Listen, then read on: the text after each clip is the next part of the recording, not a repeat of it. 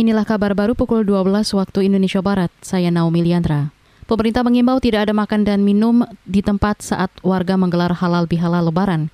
Ketua Komite Penanganan COVID-19 dan Pemulihan Ekonomi Nasional Erlangga Hartarto mengatakan, segala kegiatan keramaian harus tetap menerapkan protokol kesehatan.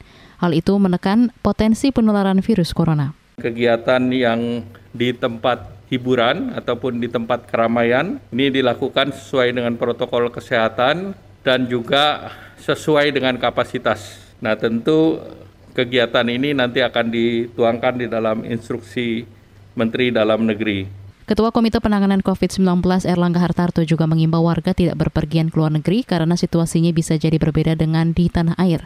Erlangga yang juga Menko Perekonomian ini menyinggung kenaikan kasus di Shanghai, China yang patut diwaspadai.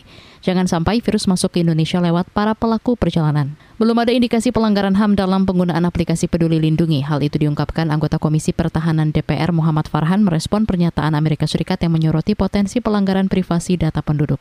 Anggota Komisi Pertahanan DPR Muhammad Farhan menduga protes Amerika muncul karena pengelolaan peduli lindungi yang dinilai tidak transparan.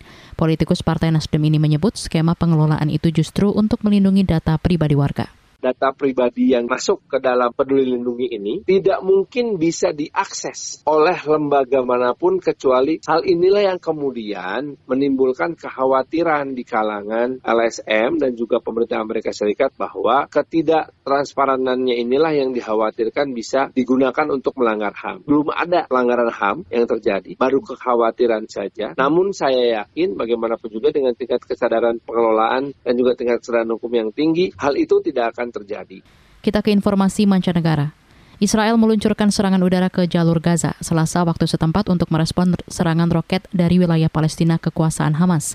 Dikutip dari CNN, serangan ini terjadi saat tensi keduanya memanas setelah bentrok antara polisi Israel dan warga Palestina di Masjid Al-Aqsa, Yerusalem pekan lalu.